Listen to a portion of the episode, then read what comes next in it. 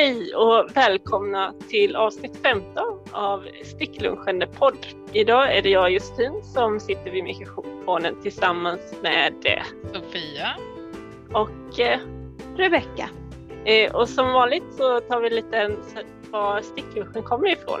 Eh, sticklunchen startade som en liten lunch mellan Laura och mig på arbetsplatsen och den växte sig större efterhand som fler och fler anslöt.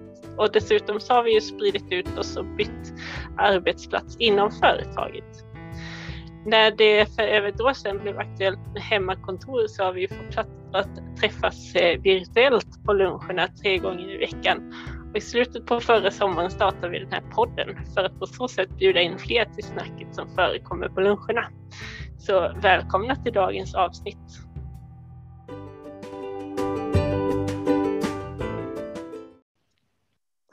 Och på tal om att sprida sticklunchen så har ju du Sofia kommit igång och börjat jobba igen sen sist du var med. Ja, precis. Jag bytte jobb efter min mammaledighet i januari och nu har jag i veckan som har gått varit på den första sticklunchen på nya jobbet. Jag berättade för en kollega på min sektion om det här. Hon tyckte att det var en jättebra idé. Och det var faktiskt bara vi två på den nya sticklunchen. Vi satt med bra avstånd och hon har redan haft covid-19. Men vi hoppas att när det blir varmare ute så kan fler vara med. För eh, hon känner, hon har många sticke och hantverksintresserade på det nya jobbet. Så det är jättekul att vi får fler stickluncher. Ja, det tycker jag verkligen. Ska vi gå vidare på vad vi stickar på just nu? Eh, vill du börja Sofia?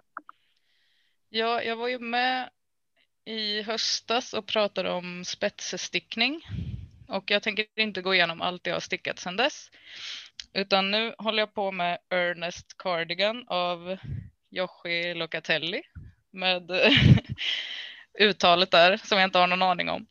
Men det är faktiskt en kofta som ska bäras öppen med massor av mossstickning och flätor. Och eh, just Rebecka har ju varit med Josefin och Laura och pratat om monsterkoftor. Och detta är ju något som vi haft uppe i sticklunchen tidigare och då är det klart att man blir sugen på att sticka sin egen flätig monsterkofta. Jag har hållit på med den ett tag. Jag gjorde faktiskt en väldigt seriös provlapp med tre olika stickstorlekar, tvättade den och valde sen en som jag faktiskt inte trodde innan jag hade tvättat det, för garnet fyllde upp så bra. Så jag valde en, en större stickstorlek än jag hade trott att jag skulle göra. Har du, var stycke eller provlappen då i de olika teknikerna med flätor och mossstickning? Nu ska vi inte dra det för långt här. Det var slätstickning. vi, vi struntar i det och vi frågar istället. Vad är det ja. för garn du använder? Jo, men det här är ett handfärgat merino eh, sockgarn från Limo Design i färgen Oska som jag köpte när vi var på Stickfest i väst. Och därför så har jag nu lärt mig att man ska varva två nystan. Så det gör jag nu och det blir ganska bra. Det är lite svårare att ta med det som projekt på jobbet så det får inte lika mycket kärlek som det kanske förtjänar. Man börjar med att göra en provisorisk uppläggning och sticka sjalkragen en bit eh, för sig själv. Men jag struntade i att göra en provisorisk uppläggning och gjorde en vanlig uppläggning. För sen ska man sticka åt andra hållet och tänkte jag men då tar jag upp maskor och stickar åt andra hållet. Det blir säkert snyggt. Det blev det inte. Så jag fick börja om och så la jag upp med en provisorisk uppläggning och det blev jättebra. Så ja, ja jag borde... Ibland ha... gör man som det står. ja, och det är, väl, det är väl smart. Men jag är väldigt nöjd och jag har inte sett att jag har korsat några flätor fel än. Men vi håller tummarna för att det fortsätter så. Då. Ja, och sen har jag också stickat ett par eh, fingervantar. Det är Sofia Kammerborn, Kammerbornias nya mönster Musikant. Och det är faktiskt i mitt eh, egna sländspunna garn. Jag hade just grönt och vitt garn som är de färgerna hon har använt i, på bilderna i mönstret och när hon la upp det så kände jag att ja, men det här måste jag sticka. Så de har jag gjort nu i helgen. Jag la upp igår och jag är klar idag. Ja, de är tvättade så de är fortfarande fuktiga. Har de här och gosar med dem. Men eh, garnet ska vi prata om lite senare. Ja, precis. Mm. Eh, då går vi till Rebecka. Vad har du stickat på? Ja, jag har faktiskt stickat ganska mycket på sista tiden. Det var ju för inte så länge sedan jag var här. Eh, men jag har, jag har byggt på min blockningskö kan man säga. Jag är inte så bra på att blocka, det vet ni. Det kanske jag till och med sa sist. Så nu tror jag jag är uppe i fem saker som ligger och väntar på blockning. Eh, de senaste nytillskotten är två par socker och en barnkofta. Eh, barnkoftan heter Daydreamer tror jag. Eh, regnbåge, jättefärgglad sak i fingering. Den är klar. Jag har avslutat ett jag vet inte om den var ett ufo, kanske. Den har legat länge, ett par socker som jag provat att sticka till mig själv, ganska smala socker, eh, improviserade. Eh, som jag har på mig nu, som sitter ganska bra. Jag håller på att testa lite för jag, jag gillar inte breda socker. Nej. eh, nej. Och sen så har jag även, håller jag även på, eller håller på, jag har precis avslutat eh, ett till par socker som heter U-turn. Eh, som, ja, de har en lite annorlunda konstruktion. Det var, det var min kusin som ville ha ett par socker och jag gillar inte så himla mycket att sticka socker, speciellt inte jättestora storlekar för man måste ju sticka två. Det är rätt tråkigt tycker jag. Eh, så de har jag i alla fall avslutat nu och då valde jag med hjälp av Josefin ja. ett mönster som har lite mer intressant konstruktion kan man säga. För knyta eh, du skickade ju en fråga till mig eh, och till Laura. Så här, kan jag få lite tips på roliga sockmönster som förhindrar att man får second sock syndrome? Och eh, då letade jag igenom i mitt Ravelry-bibliotek och det tog mig vidare till en sockbok som heter New Directions in Sock Knitting som då verkligen jag vet inte om det kanske är tolv olika mönster och alla har en liten annorlunda konstruktion. Så att eh, jag började bläddra i den där och blev själv inspirerad till att lägga upp ett par nya saker. Eh, jätte, det är verkligen så här, man börjar med en eh, fyrkant eller ja, man ska ju lägga den på snedden så det blir en romb under foten. Och så ska den gå ihop på ovansidan av foten. Så behövs det en romb till för att liksom få ihop tån. Och när man har kommit så långt så ser det ut som en jag vet inte, liksom falukorvsform. Den är liksom lite böjd, så här, väldigt tjock. Det ser inte alls ut som att det skulle passa min fot. Men så sticker man lite till tills man når hälen på, på skrå liksom. Och sen så får man minska vid hälen och, och öka i eh, framkanten för att få skaftet att byta riktning och gå uppåt istället. Eh, så den heter ju Square Socks, den här strumpan.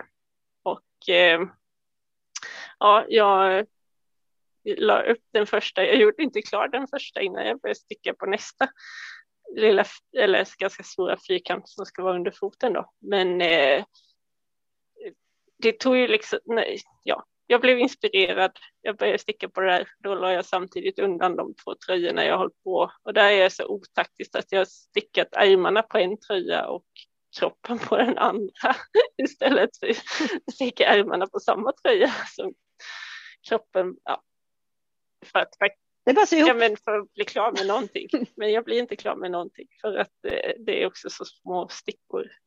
2,75 och eh, ja, 2,5, nej 2,25 kan jag till sockorna. Nej, men jag undrade Rebecka om, du, om, dina stick, äh, om dina strumpor var ur samma bok. Ja, de var det. Eh, jag har tickt om bilder från Josefin eh, eftersom jag inte har fått tag i boken själv. Så nu behöver jag ett kort på nästa sida Josefin, kan du ta ett kort och skicka?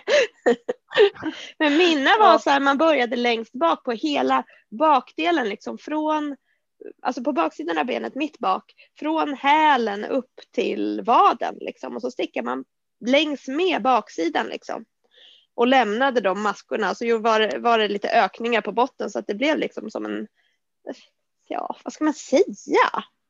Ja, jättekonstigt i alla fall. Och sen när man en hade... halv tub. Ja, fast med en rundad botten. Och sen ja, skulle man liksom börja uppe, så då gjorde man en provisorisk uppläggning uppe Eh, och så, så stickade man fram och tillbaka. De är randiga också kan jag tillägga för att göra det ännu mer tydligt vilka konstiga håll de går åt.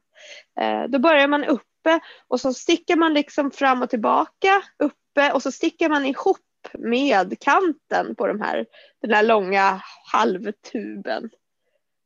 Ja. Ja, intressant. Eh, min man säger att det är de fulaste sockor han någonsin har sett. Mina barn tycker att de är ascoola och jättefina. Så vi får väl se vad min kusin tycker när de får dem sen.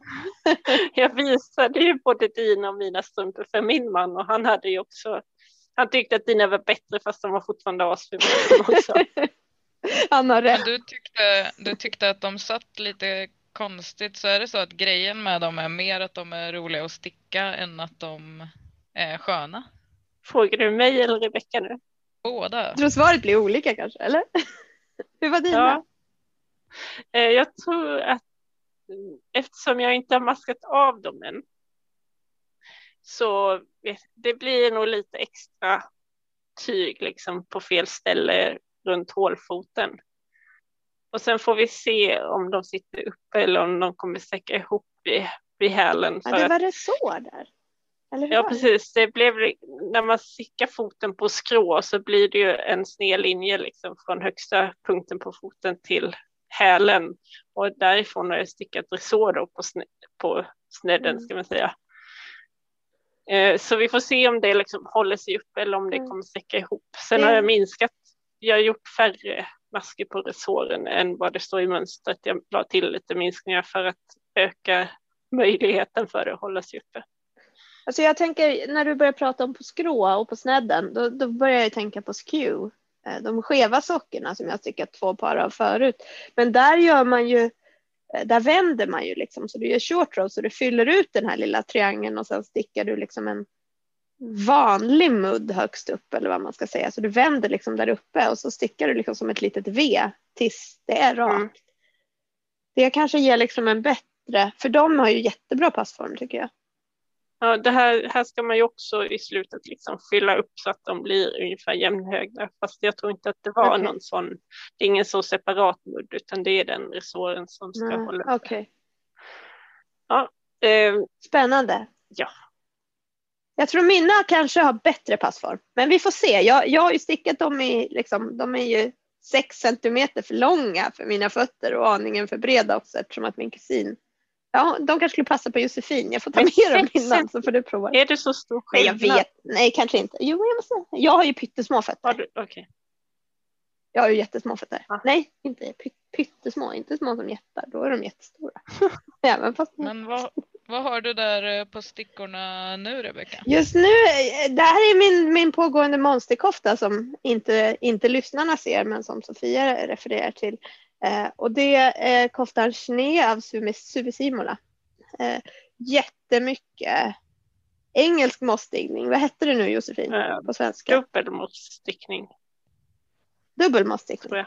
Eh, jag, jag stickade en jättestor, alltså oversize, mysig så här, gubbkofta i planen.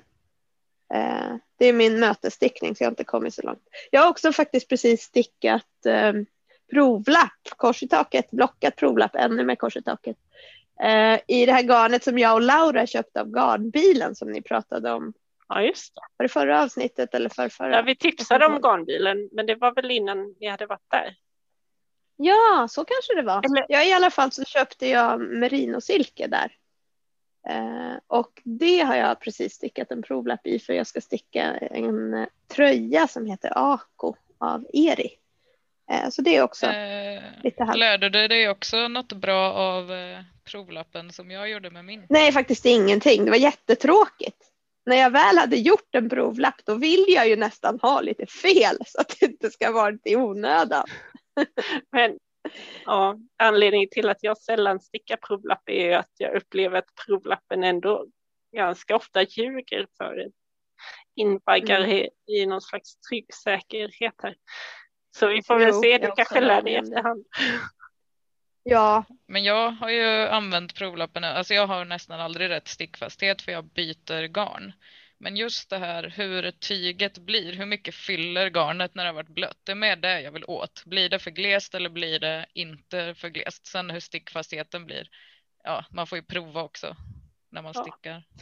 Jag kan ju säga att eh, det jag sitter och stickar på just nu, som är anledningen till att mina sockar inte är klara, är ju eh, min teststickning som jag pratade om i höstas som fick ta en paus för att det blev en lite större översyn av mönstret. Och nu så har jag tagit upp den igen. Jag fick repa upp, eh, eller jag repade upp allt för jag hade snurrat bort mig.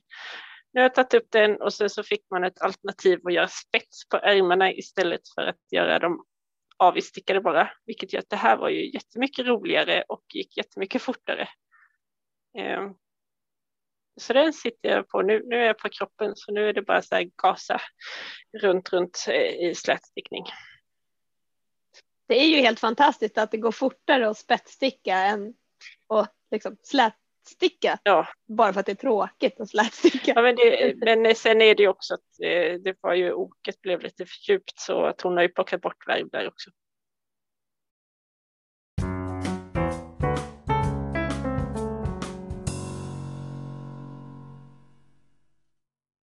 Som vi pratade, vi lämnade en liten teaser i förra avsnittet om att eh, Sofia skulle få komma hit och prata om lammet som du blev fadder för. Ja, jag såg på Instagram att Bovens spinnhus lottade ut ett fadderskap på ett lamm. Vinsten innebar att man, om pandemin tillåter, får vara med i spinneriet när den första lammullen som klipps ska spinnas till garn och sen skulle man få garn också. Och jag tyckte att det, lät, att det lät som en underbar vinst. Och jag brukar inte vara med på tävlingar, men jag bestämde för att här ska jag absolut vara med. Man skulle tagga kompisar och kanske ge ett eh, förslag på vad man tyckte att de skulle ha för kurser i framtiden. Så jag taggade mina systrar och eh, tyckte att de skulle ha en handspinningskurs. Och sen så, ja, så, så somnade jag väl sött och drömde om det här lilla lammet. Tid senare så såg jag att jag hade blivit taggad i ett inlägg och då var det så här, åh hoppas det är det. Och det var det. Det var Bovens Spinner som hade haft en lottning och de hade dragit mitt namn. Alltså det är otroligt, jag är så himla glad. För jag och Josefin har ju varit på Bovens spinnhus eh, en ja. gång och tittat och jag köpte garn och jag stickade ett par skatvantar som jag tycker jättemycket om. Och jag har köpt garn från deras spinneri efteråt och stickat en tröja i och jag gillar verkligen deras garn. Eh, och sedan annonserades det ut att de skulle sälja fadderskap på lamm också och då bestämde jag för för att få lite mer garn så köpte jag också ett eh, fadderskap på ett till Leicester-lamm. Och man fick namnge dem och då tog jag min mormor till hjälp. Hon har varit en stor del av mitt stickliv. Så jag ville att hon skulle vara delaktig. Så det blev Flätan och Rätan. och Flätan är då vinstlammet och rätan är ett lite mer grått lästerlamm. Eh, det är tydligen en lite ovanlig färg. Men eh, ja. Är, är det samma ras eller är det lästerfår bägge två? Ja, det är det. Och sen har de Bovens spinnhus samarbeta med någon som har får. De har Gotlandsfår också. Mm. det här var två lästerlamm. Och de visste inte, de kan inte säga hur mycket garn det kommer bli och sådär. Det beror ju på hur mycket, hur mycket, hur smutsig ullen är och hur den blir. Så det vet mm. jag inte. Men någon gång i höst så klipps de och så blir det garn. Och jag hoppas ju att jag skulle kunna ta min dotter kanske och hälsa på lammen och få klappa lite på lamm eller i alla fall se dem på avstånd i en hage. Det är ganska mysigt, men jag vet inte hur det blir. Nej, Eh, det, jag hittade några sådana här bilder när telefonen påminner eh, om vad man har gjort för ett par år sedan och då var det med, eh, mina släktingar på Öland. Eh, när vi har varit där på påsken så åkte vi vidare från mormor till eh, min moster då. Och så då hade jag bilder på när de hade varit och klappat lamm ute i hagen, mina barn. Eller nej, de var inne, men de hade klappat lamm i alla fall jag har ju privilegiet att jag liksom bakom mig just nu har en hage med massor med lamm. Det är så himla mysigt. Våra grannar har får. Eh, tidigare har det främst varit gutefår tror jag, men nu har de baggen är någon annan ras. Så att lammen är väl någon blandras just nu. Så vi går och hälsar på de där lammen nästan varje dag och hjälper grannen att få dem lite tama. Eh, och de kommer, de har ett eh, flasklamm eh, Ja, de är så mysiga. Så, så, ja, och, men, men det är faktiskt systern till flasklammet som kommer fram till oss och gosar och så har de en tacka som, som heter Gittan. Och hon kommer liksom och så lägger hon huvudet mot den och bara vill att man ska klia henne uppe på huvudet. Och så kan hon stå så liksom. Är vi där i 20 minuter då står hon liksom med huvudet tryckt mot den och vill att man ska klia henne mellan hornen. Liksom. Konstant. Det är så mysigt. Ja, då är man verkligen nära ullen som vi alla gillar också. Ja, verkligen. Fast jag har ju inte spunnit av den här eller stickat eller någonting. Jag har inte jobbat mig bakåt så långt än. Se, mm. någon gång kanske. Mm.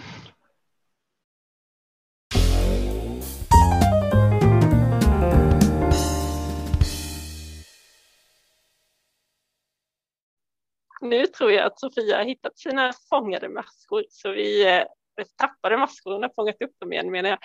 Så vi kör vidare med veckans ämne som då är spinning eller konsten att göra sitt eget garn.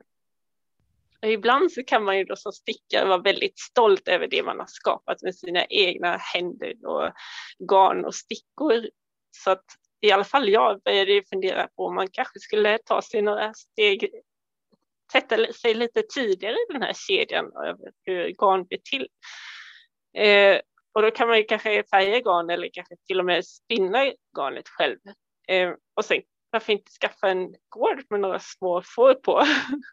jag har tänkt tanken men jag har ju också vänt i de tankarna i alla fall. Eh, men jag har för ett par år sedan så köpte jag mig en slända och sen köpte jag mig lite ull för att testa på spinnargarn. Men eh, tålamodet som räcker långt när det kommer till mina barn och min stickning tog ju slut väldigt fort när det kom till att spinna på slända i alla fall. Men både Sofia och Rebecka har ju visat på mycket mer tålamod när det kommer till det här. Ja, jag har ju då eh, spunnit på slända i nästan en månad. Så vi får se hur eh, uthålligt det här blir. Men jag har haft en gammal hantverksdröm som är att känna ett får, alltså klappat på det, veta vad det heter och sen förädla ullen till en tröja. Det är liksom, det är någon sorts sak, en hantverksdröm. Jag tänker jag vill göra det här någon gång i livet.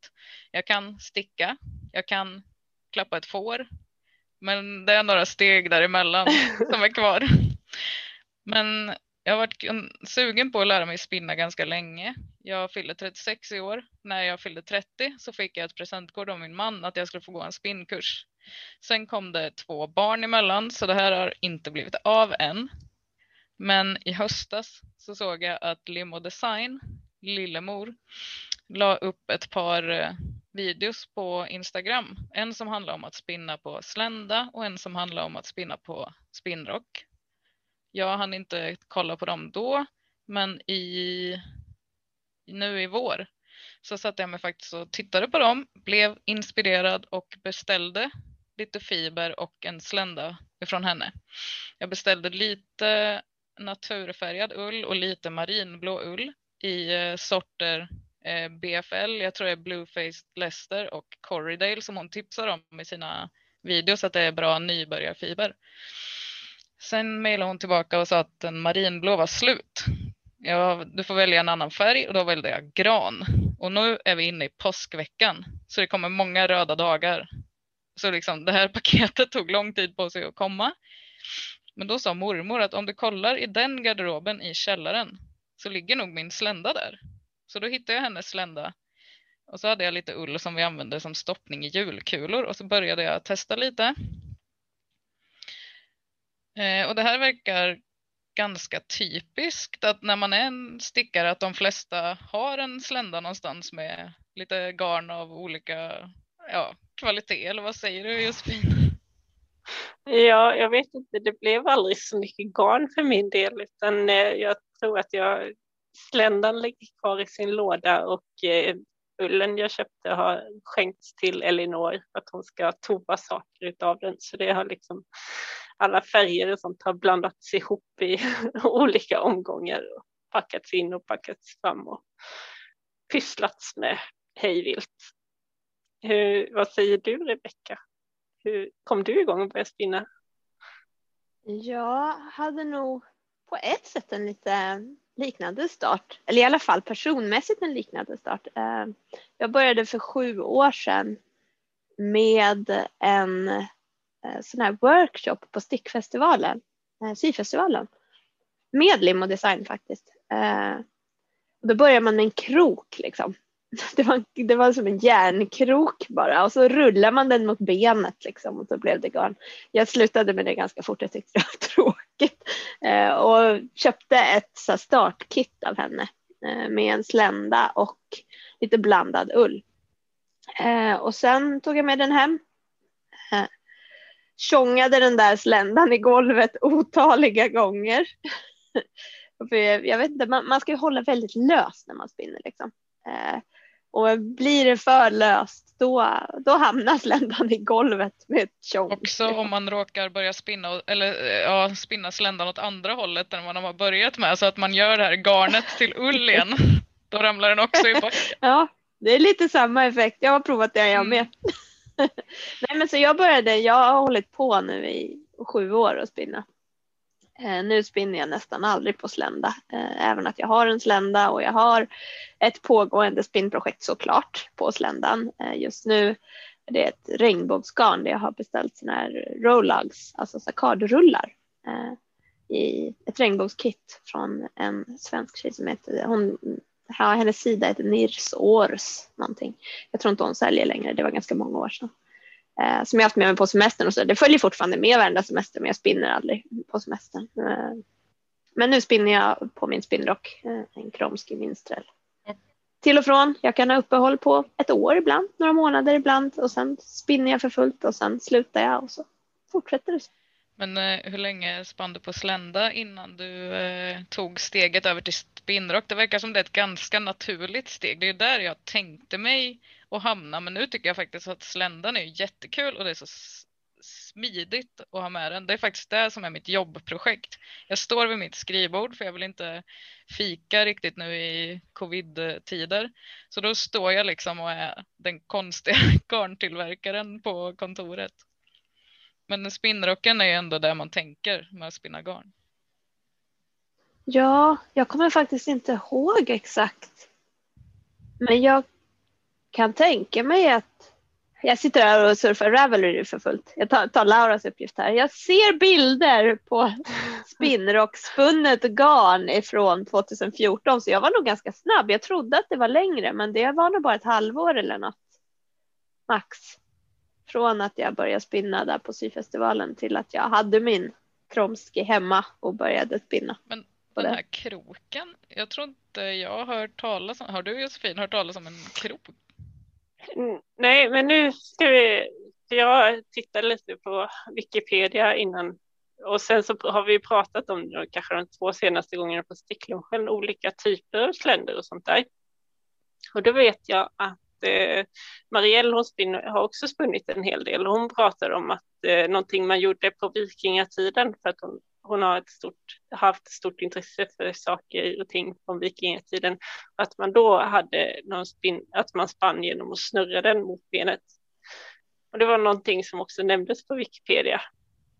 Och sen att det även finns, alltså att man kan ha bott eh, sländor med tyngd i botten eller tyngd i toppen. Och så finns det så här turkiska sländor som är eh, med ett kors i botten då så att man kan plocka bort korset och så har man ett färdigt man snurrar ju garnet runt korset och sen tar man bort det och har ett färdigt nystan i princip. Um, det, det verkar... De är så fina! Ja, och jag vill också göra så. Och det är så smart också för att jag har ju jag, gör, jag spinner garnet och sen tvinnar jag det och då gör jag på min nystmaskin ett nystan där man tar inifrån och utifrån. Det är så jag vill tvinna. Jag tycker det är smidigt. Så turkisk slända, det känner jag, det vill jag köpa när jag känner mig lite mer säker på att jag inte kan tjonga den i golvet eh, när som helst. ja. Jag gick ju även på, på eh, ganska mycket så här spinnträffar i början. Eh, när jag precis hade börjat. Det finns ju en grupp på Facebook som heter Spinnare. Där kan man gå med om man gillar att spinna. Eh, så jag hittade en gammal kompis eller klasskompis till min lillebror faktiskt där. Eh, så jag har varit hemma hos henne och spunnit. Jag har varit spunnit i någon slottsträdgård, kan det vara Ulrisedal? kanske. eh, med folk ifrån den här gruppen och de hade ju, det var, jag kommer ihåg det var en kvinna, hon spann, hade en så pytte, pytteliten slända som hon spann silkesgarn. Då var det som det var en liten skål och så var det en pytteliten slända, ja. kanske typ en decimeter.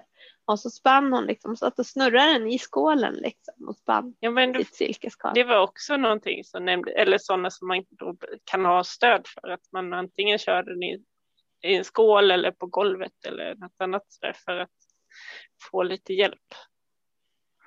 Ja, det finns ju otroligt eh, många sätt eh, märker man när man börjar läsa lite om det här och jag har ju eh, precis gett mig in i den här världen och är verkligen biten.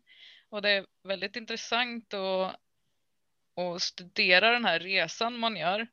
Att lära sig något nytt, för stickning har jag hållit på med väldigt länge. Det känns inte, det är inte lika stora steg man tar i någon, man lär sig någon ny uppläggning eller lär sig att man ska lita på mönstret när man ska göra en provisorisk uppläggning till exempel. Men det är inte så att man får liksom, oh wow, gud vilken stor skillnad det blev nu. Alltså jag tycker inte det är lika mycket så som det är nu när jag lärt mig spinna. För eh, det första garnet och liksom man drar i fibren, det liksom, man får inte isär den, man vet inte. Det jag köpte var en combed topp. Jag tror att det är ganska vanligt. Kammad topp. Mm. Jag har ingen aning om vad det heter på svenska. Det är ju som en fläta. Man kanske har sett sånt även om man inte spinner. Alltså att man gör någon sorts fiberfläta och då ligger alla fibrer. Kardband? Ja, kanske kardband. Och då ligger alla fibren Eller? i samma riktning och så är de ganska kompakta och det är inte det lättaste egentligen som nybörjare. Det är väl om det är luftigt och ligger lite hur som helst och är lätt att dra isär. Drafta heter det. Ja, sådana här bats typ. Ja, eh, som är liksom mer fluffiga. Antar det. Eller om man har kardat själv. Men jag har liksom bara en, en, eh, en två sländor. En topptyngd slända och en bottentyngd slända. Och så har jag de här kardbanden som vi tror att det heter. Då. Och då har jag funderat på hur stor del av den ska man ta varje gång man tar en ny tuss ull? Hur ska man ta? Så jag har experimenterat väldigt mycket och med tiden. Ja, alltså jag gör varje dag. Jag ägnar en del tid åt det här. Min monogam stickar själ till trots så har nu Ernest Cardigan verkligen fått stå tillbaka för det här garnspinnandet. Och det är verkligen intressant att verkligen se hur, eh, hur, eh, hur det går framåt ändå. För det jag gjorde först är verkligen jättestor skillnad mot det jag faktiskt har stickat halvvantar i nu. Även om det på intet sätt är eh, ett perfekt garn. Så är det ju liksom ett garn som inte är så här fem, sex gånger så tjockt som på andra ställen eller ännu mer. Utan det har ändå gått på inte ens en månad. Så har det gått framåt för att man gör lite av det varje dag och verkligen är intresserad och det är ju det är en jättekul resa. Ja. Vad tycker, du, vad tycker du är lättast och svårast? Tycker du att det är lättast att spinna tunt eller tjockt? Um, eller jämnt? Allt. Nej. Nej, men det svåra är alltså, man drar ut fibrerna, man håller löst och så får man liksom en genomskinlig eh, gardin av fiber mellan händerna som man sedan tvinnar ihop. Och beroende på hur mycket det där är då, då blir det ju tjockt eller tunt. Och så om det råkar bli lite tunnare på ett ställe, då kommer det få mycket mer twist i sig än på ett annat ställe där det är tjockare. Mm. Och ibland ullen som man då har i handen som är ganska i oreda då, som man försöker få bli tråden, då kan det bli små knutar av ullen i den som man då spinner med mm. i. Och det, alltså, sånt gillar man ju inte förstås. Nej, det där kommer jag ihåg. Fy vad irriterande det är. Det går alltså, det lär man sig alltså efter sju år eller? Ja, det händer, de enda gångerna som det händer för mig nu, det är om jag försöker spinna väldigt tunt och med mycket twist. Som det senaste handspunna garnet som jag spann jag har här som ingen kan se förutom jag och ni. Mm. Eh, det spann jag avsiktligt för att jag ville ha mycket twist för att jag tycker det är så fint. Mm. Det är så många som lägger upp så här snygga bilder på Instagram, ni vet på tvåtrådiga ganska hårt tvinnade garn i två olika, där trådarna är två olika, lite som spin cycle. Ja. Eh, för att nörda ner sig. Mm. Eller Sauberball, alltså den typen, Sauberball är kanske lite lösare, men typ spin cycle, den typen av effekt. Så jag ville göra ett sånt. Och då måste man sätta rätt mycket twist i singlarna för att få kunna sätta mycket twist i, i det tvinnade garnet sen. Och då fick jag några sådana där erfarenheter igen där det liksom börjar korva ihop sig men inte på samma skala. Så man lär sig absolut.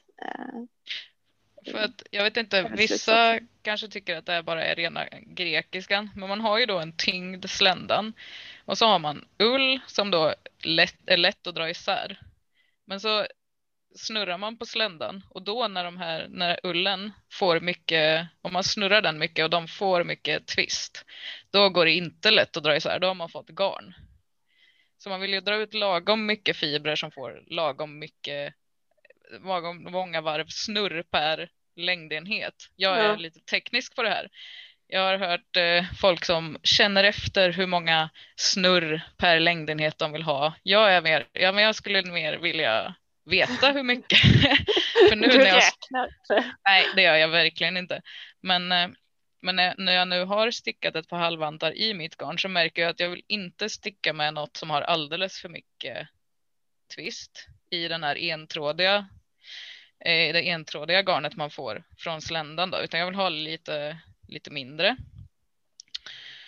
Eh, men jag håller också med att, att det är riktigt snyggt när man har mycket twist, för då blir det verkligen, man ser liksom, man ser verkligen strukturen bra. Men sen när jag började då så sätter man ju snurr på den här sländan och så ska man dra ut fiber och det är där som är det svåra att snurra och dra ut fiber. Så då börjar man en te teknik som heter park and draft. Att man håller i ullen och så snurrar man ganska mycket på sländan så det blir supermycket twist i, på, en, på en kort eh, trådbit. Och sen håller man liksom fast sländan på något sätt och sen drar man ut ull och låter snurren gå upp. Alltså det finns jättemycket Youtube-videos på det här. Eh, och det kan vara, men det var en jättebra nybörjarsätt att lära sig. Gjorde du också det Rebecka? Nej, jag fick så här minnesbilder nu av hur man så här, tog den där sländan och så bara rullade den mot benet så, här, så fort det bara gick. Så mm. mot ena låret åt rätt håll förhoppningsvis. Det är jättejobbigt för övrigt när man ska göra åt andra hållet för att man har ju tekniken på med höger hand framåt på höger ben och så ska det helt plötsligt snurra åt andra hållet. Det blir katastrof. Mm. Men så gjorde jag. Mm. Och, då ska man ju... och så gungar den så här fram och tillbaka som en pendel. Ja, kan också ha bidragit till krascherna i golvet. det, oh, herregud. För att jag, läste, jag har liksom något minne av att jag ändå läste på lite när jag tänkte att jag skulle lära mig och just att det är skillnad på, bot, att, på botten, de bottentyngda sländerna och på de topptyngda sländerna utifrån vad det här är ju jag kommer ihåg att jag köpte ull när jag åkte till Norge och till Norge åkte vi 2014 när vi köpte en ny bil. Så det är så länge sedan jag läste det här, därför är jag inte så säker.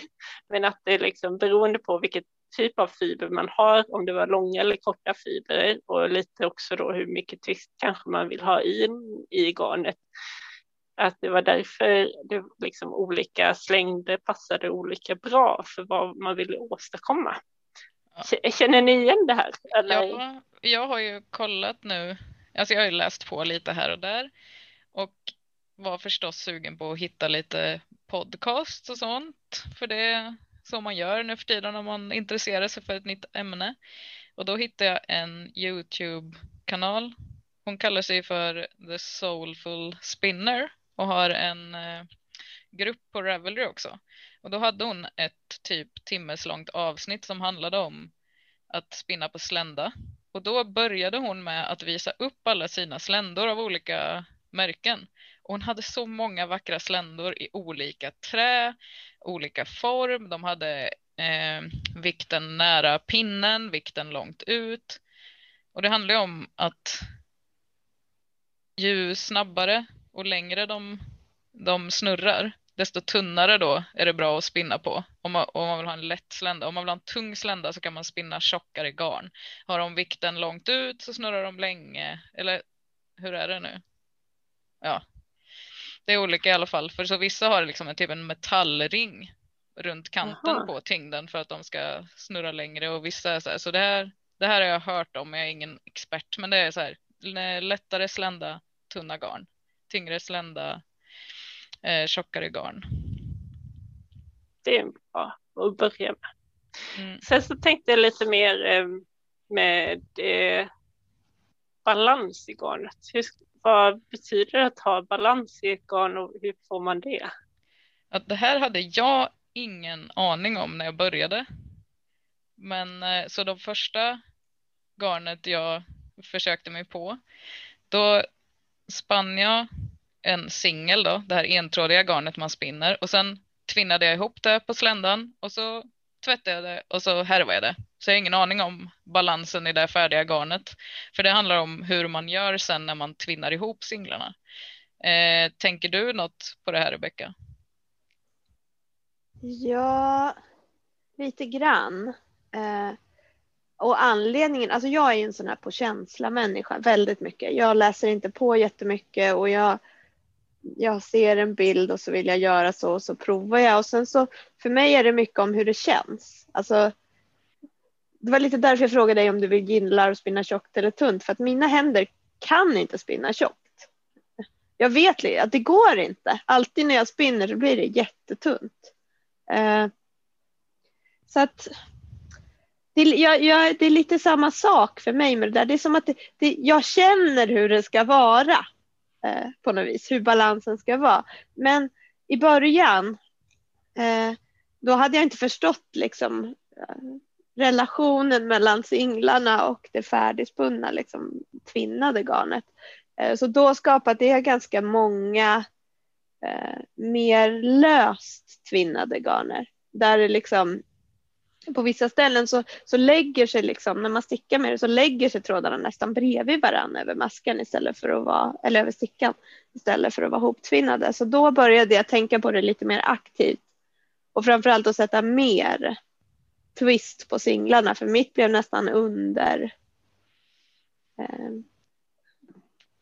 undertvinnat. Under. Under, underspunnet och undertvinnat. Ja. Jag vet inte vad man, vad man ska kalla det. Så jag, jag, har, jag har några projekt som är så, de är jättefina och så, men det, jag var inte riktigt nöjd. Eh, Nej, för att, så jag har börjat ja, Anledningen till att jag eh, funderade på det här, dels har man ju typ hört någon gång när någon har eh, lagt upp en bild på sin slätstickning och säger det ser lite konstigt ut, maskorna mm. ser inte riktigt, och då har man typ sagt ja men garnet är väldigt tvinnat. Eller, alltså, Uh, obalanserat ja. Typ. Så, men mm. jag har inte tänkt på vad det innebär. Men mm. du och jag, vi pratade lite om det här innan Rebecka, att både du och jag vill ju spinna för att sticka med garnet. Vill inte spinna för att, jag är ingen garnsamlare direkt. Det är många i sticklunchen som är garnsamlare och stickare. Mm. Men jag är mest stickare.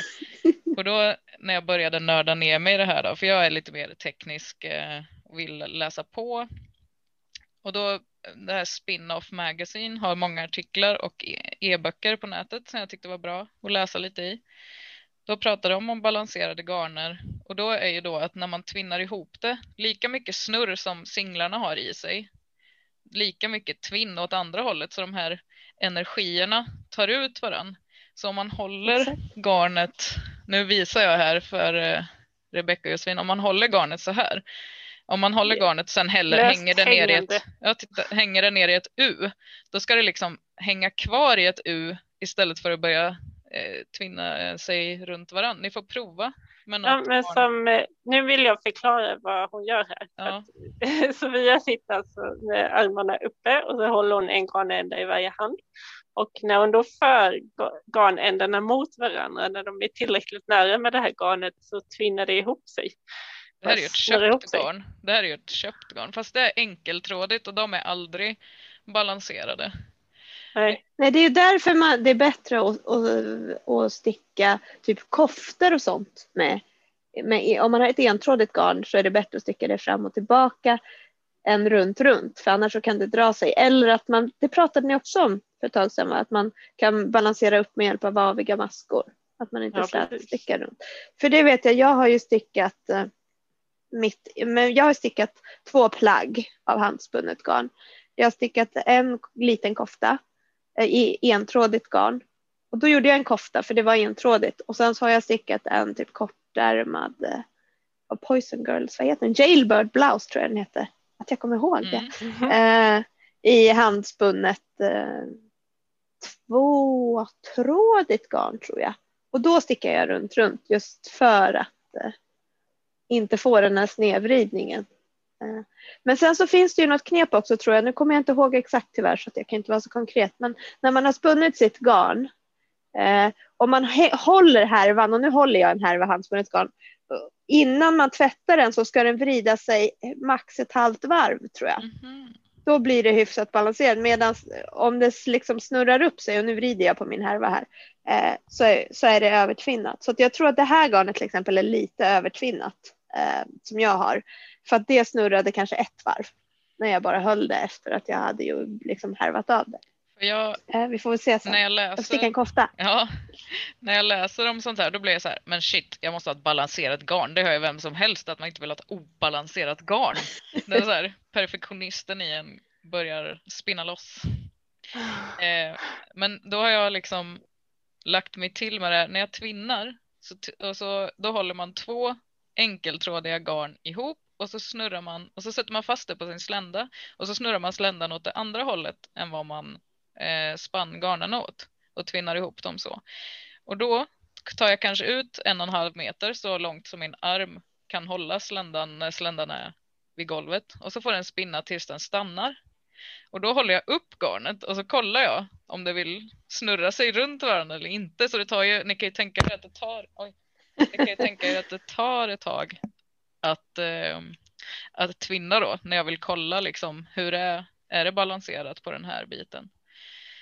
Vad engagerad vad snäll du är med ditt garn, tänker jag. Så ja, jag... Nu ska du bli fin. Ja, men jag, jag, vill ha, jag vill inte ha några överraskningar när jag stickar. Men jag, jag... jag har faktiskt också gjort ett sånt där projekt och det var nog till Jailbird Browse tror jag. Jag räknade för på spinnrocken väljer man ju, man väljer åt vilket håll man sätter spolen. I alla fall på min så finns det en liten och en stor sida. Eh, och sen så har själva drivgrunkemojen, se här vad teknisk jag är, ja, det finns två olika storlekar. Och så gjorde jag så att jag räknade så här, en, två, tre, fyra, fem, sex, sju tramp och så in. Mm.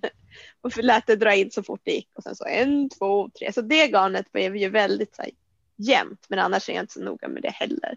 Och det blir bra liksom. Jag tror, man ska inte vara så himla rädd. För att så länge man inte gör något som Jailbird Blouse som är slätstickad runt, runt, runt. Det kommer liksom inte märkas tror jag. Men jag, jag känner bara att jag behöver göra sånt här för att jag ska trivas. Jag vill läsa på hur kan jag få ett, eh, ett resultat som jag vill vara nöjd med och vill sticka med. Så det här får liksom mig att må bra. Och sen tror jag absolut att man kan senare veta att jag gillar att tvinna så, eller eh, spinna så här mycket. Jag gillar att tvinna så här mycket. När jag gör så här blir det bra. Det är klart man får en känsla för det. Men när man inte ännu har byggt upp den här erfarenheten, då gillar jag att ha sådana här tekniska grejer. Åh, titta här, så här kan jag kolla om mitt garn är balanserat. Så sånt, eh, sånt tycker jag är kul. Mm. Det är fantastiskt att man kan ha två helt olika approacher och det blir ändå bra. Mm. Ja. Om några år då kommer du att vara mitt lexikon känner jag här. Nu måste du bara köpa en spinnrock och fortsätta öva i några år. Sen kommer jag att fråga dig om allt. Det kommer bli helt perfekt. Då kanske jag har gått vidare till att skaffa de där fåren som jag ska namnge. Och karda.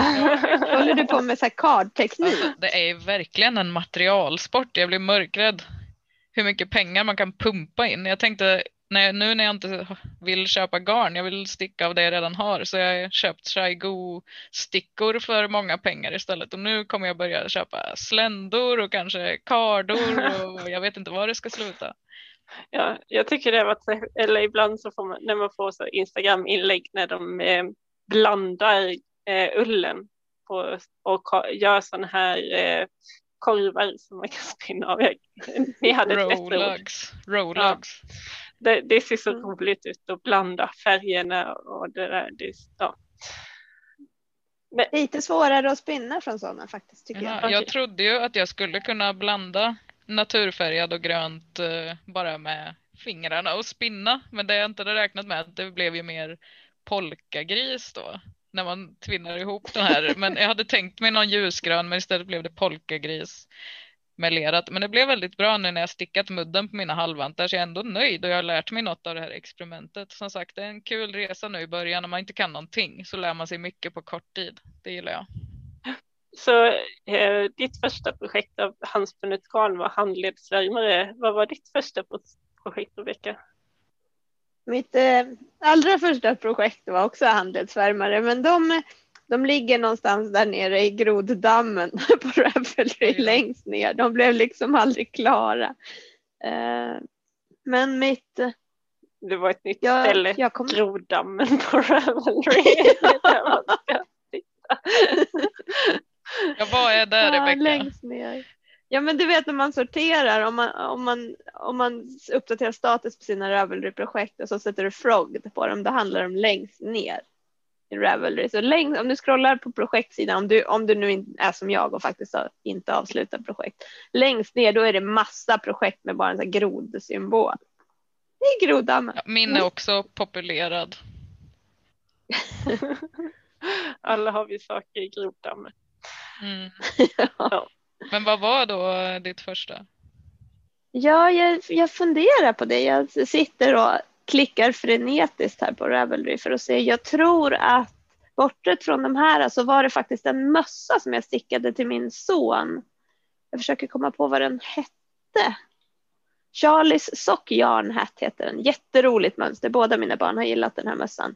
Eh, det är så här en mössa med tre, den delar sig i tre uppe på huvudet och så sitter det en boll längst ut på varje Ja! eh, varje sån där tre. Mm. Så det, det var mitt första avslutade handspunna projekt och det kedjetvinnade jag också. Jag är så här tjurskallig av mig så ett av mina, en av mina första spinnprojekt, nu ska jag lära mig kedjetvinna. berätta om Eh, det. och så gjorde jag det.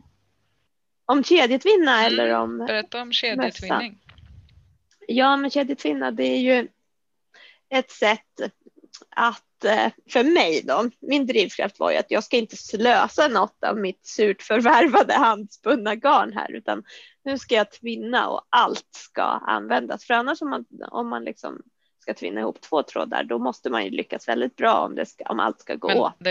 Om man inte gör som du med ditt, Ja, det jag där, äh, också- tar från Jag har båda. också ett annat knep för jag testade att spinna ihop två olika och då när det ena tog slut då tog jag och, eh, och nystade upp det som var kvar av den längre biten och gjorde en knut och fortsatte liksom tvinna ihop dem. Ja. Jo, det kan man göra. Men jag har ju på spinnrocken liksom, så jag har ju på Mm. spolarna. Jag orkar inte hålla på, då måste jag flytta över till en annan spol. Men i alla fall så bestämde jag för att det här, det här är jag jobbat hårt med, liksom. nu ska jag inte slösa något. Men det där med kedjetvinning eller navajo plying som det eh, också kallas, men eh, av cultural appropriation skäl så kallar jag det för kedjetvinnat. Eh, chain ply på engelska. Eh, då gör, alltså man virkar egentligen med sin singel, alltså sitt entrådiga garn.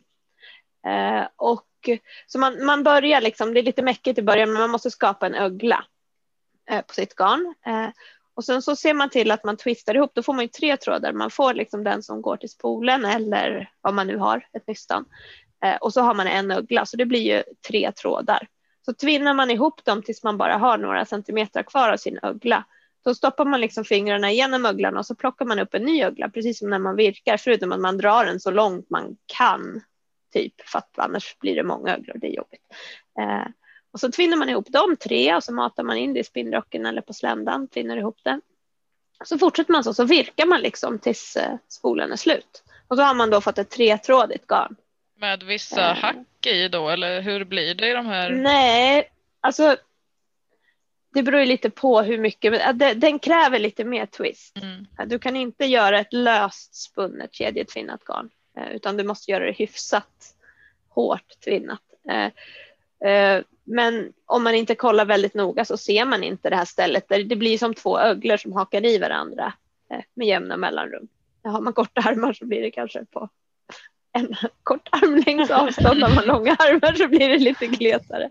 Eh, men det finns ju knep också. Jag kommer ihåg att när jag gjorde det där, eh, mitt första kedjetvinnande, då satt jag, då varje gång jag kom till den där så gned jag liksom fingrarna runt den lite och klämde ihop den så att den liksom skulle bli kompakt. Det har jag inte gjort på mina senaste och jag tycker inte att det gör så stor skillnad.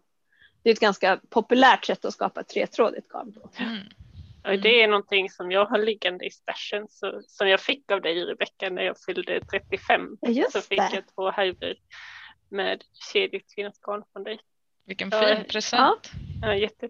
Lim och designfibrer Mm. vill jag minnas. Mm. Gradient till och Tänk- från. lila, Tänk vad hon har gjort för eh, Spinn-Sverige.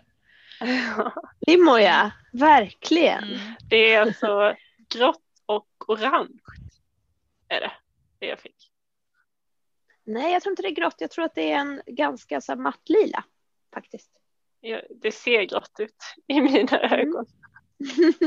Rosa tror jag det är lite också. Nej, jag. Ja men det är Jag kallar det för taggtråd. Jag kommer ihåg var så, jag var så besviken för att eh, fibrerna la sig åt olika håll, kommer jag ihåg, i och med att det var kedjetvinnat. Och så, jag tyckte att det stacks liksom, fast det var, det var nog mest självkritik, tror jag. vi, ja, vi får se när jag har hittat det perfekta projektet och faktiskt stickat upp. Sticka en halskrage, upp till bevis. Vi får se hur balanserat det är så får du välja mossstickning eller slätstickning. Jag hade tänkt att flerfärgssticka. Ja, du pratade om det för ett tag sedan, Mm. Jag hade en eh, tröja som heter, eller t-shirt som heter Ghost Horses med sådana här eh, karusellhästar på opera. Den är snygg. Ska bara stega klart lite annat först. Som vanligt. Jag känner ju att det här samtalet kanske inte är en hjälp om någon står där med sländan och en bit ull i högsta hugg. Men jag kan verkligen rekommendera, rekommendera den här Limo Designs Instagram-video som att spinna på slända. De var jättebra tycker jag. ja. Och sen har du in- nämnt tidningen Spin-Off också. Ja, de har ju e-böcker man kan ladda ner och jättemycket artiklar. Och sen hon eh, Youtube-poddaren som jag hittat, Soulful Spinning, hon pratar om ull och sländor på ett väldigt inspirerande sätt. Och hon är lite mer eh, känslospinnare, precis som eh, du Rebecka. Det är ett tips om du inte har. Spännande. Mm. Jag har inte så mycket tid så jag gör inte så mycket sånt. Men jag, jag, jag är mer så här, nu ska jag göra något så googlar jag fram en film och så är den inte dålig då googlar jag en gång till tills jag hittar den som är bra. Och så tittar jag på den i dubbel hastighet och sen kör jag på. Men spin-off vet jag att jag gillade i början också. Jag prenumererade faktiskt på papperstidningen Mm. eh, där i början 2014 eller när det var. På tal om papperstidningen så ska jag läsa näst senaste hemslöjden som jag har lånat av mormor där det handlar om eh, slöjdpodden Sara som har spunnit tråd, vävt sitt eget tyg och sytt bockstensmannens kläder. Det är liksom det, det ultimata liksom, handarbetsprojektet typ.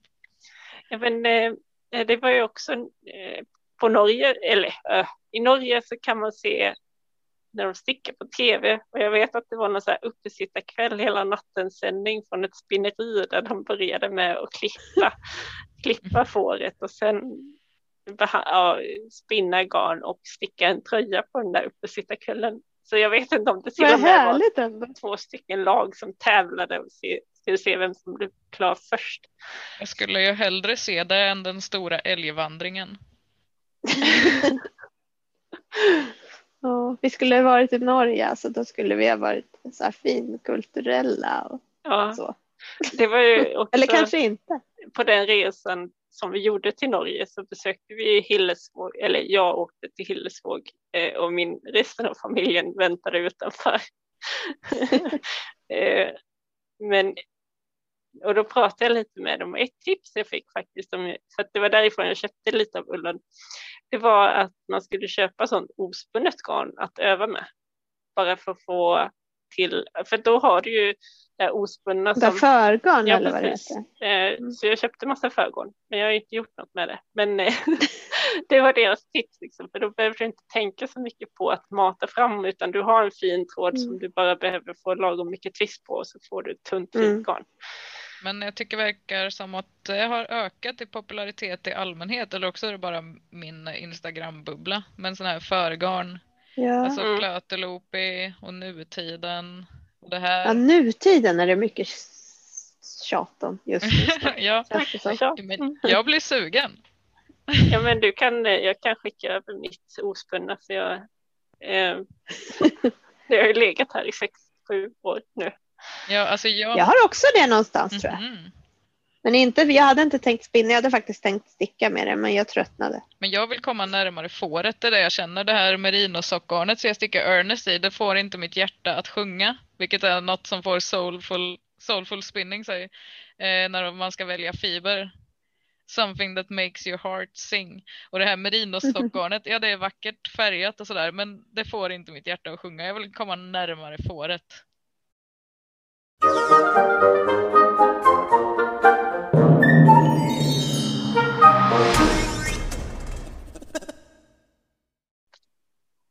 Då har vi kommit till veckans topplista och eftersom vi har pratat så mycket om någonting som inte är stickning så tänkte vi fortsätta med vilka handarbeten tar du fram när du inte stickar? Sofia? Ja, det är ju ganska uppenbart efter om den här poddens samtal att eh, just nu spinna garn på slända som jag gör när jag inte stickar.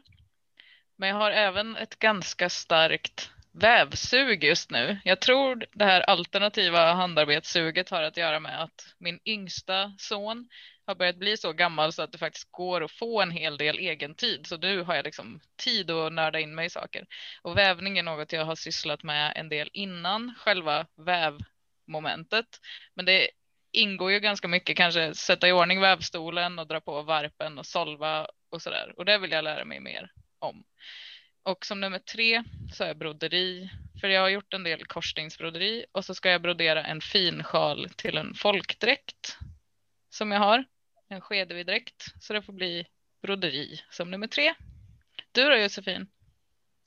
Eh, jag eh, har ju då inte fastnat i den här spinningen utan eh, det jag har är ju, jag har vävt lite. Jag har en sån här 90 heter den som är um, um, jag vet inte, är det en bordsvävstol? Inte riktigt. Man har den i knät och har, stör, stöttar upp den på en bordskant. Eh, den, eh, och sen så är den ganska förenklad, liksom. man kan typ väva turskaft på den. Eh, så den har jag vävt eh, två halsdukar på. Och sen har jag en liten kontramarschvävstol som eh, jag fick från, eh, eller inte min, jag får låna den. Eh, så, så, att min svägerska inte har plats för den. Och den var eh, något, slags ihopfällbart format så att eh, den kom med varpen i väldigt snällt. Eh, och det är inte turskaft, det är något annat eh, som jag inte vet vad det heter. Men är det den som är bakom dig där med typ ett påslakan på? Ja, precis. Den eh, fungerar oftast som eh, tvätt, eh, torkställ eller som kattsäng. Eh, men jag har med en matta i den i alla fall med ullgarn som jag har fått från Marie för att hon var tvungen att packa undan sin vävstol och aldrig kom igång. Som nummer två så får jag säga jag har något korsstygnsbroderi som ligger och väntar, kanske kommer fram en till två gånger per år när jag hittar lite pysseltid över. Sen är det lite svårt att välja nummer tre. Det är typ de jag tänker på, men eh, jag har funderat ett tag på om jag ska kanske virka en tröja. Det finns ett annat snyggt virkmönster i pompom som jag prenumererar på, som jag funderar på. Hur är det med dig då, Rebecka? Ja, alltså det här var en svår lista för mig att göra. Eh, för att jag håller inte på med så mycket annat. Så jag har bestämt mig för att dataspel är ett handarbete. För det är faktiskt det som jag lägger mest tid på utöver stickningen. Eh, jag spelar mycket Minecraft med min son och massa andra spel har jag alltid gjort. Eh, så från och med nu så räknas det som handarbete kan vi se, men det händer. Eh, men sen på andra plats kommer ju spinningen såklart. Eh, periodvis då som jag sa. Jag har ju också en vävstol, liksom, fast den är nermonterad och ligger uppe på vinden. Jag, jag, blir lite inspirerad av tanken på, på de där ullmattorna. Liksom. Men det är väldigt krystat känner jag nu. Det är väldigt låg sannolikhet att det kommer bli någon ullmatta på den där vävstolen. Men ja, kanske någon gång. Ullmattan som jag har vävt den ligger ju oftast i en korv för att katterna liksom racear fram och tillbaka över den och kryper in, in under den och jag vet inte vad.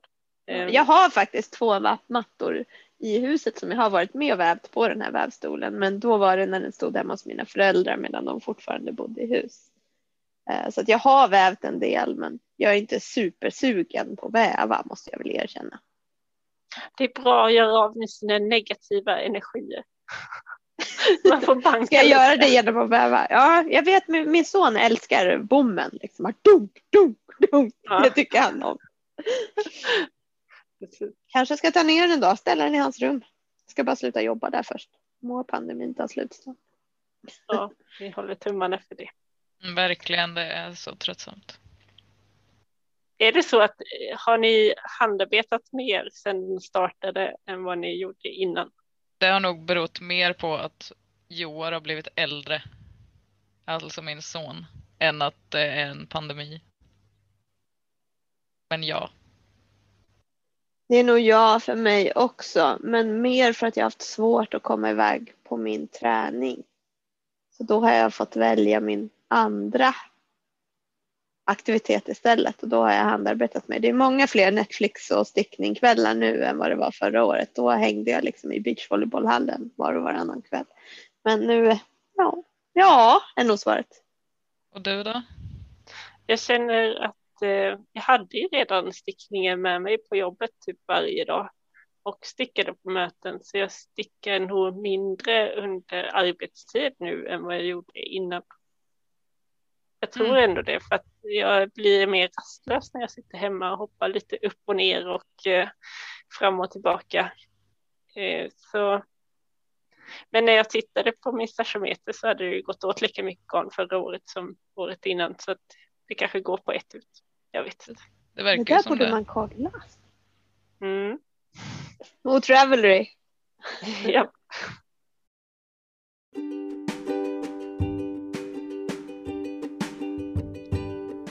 Då har vi kommit till slutet av dagens avsnitt och som vanligt hoppas jag att ni har fått inspiration med er och eh, vi kommer som vanligt med lite tips på de här resurserna som vi har pratat om.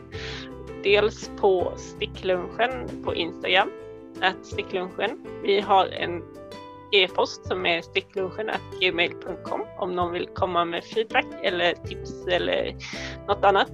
Eh, Dessutom så får vi ju se show notes på Sofias blogg så småningom.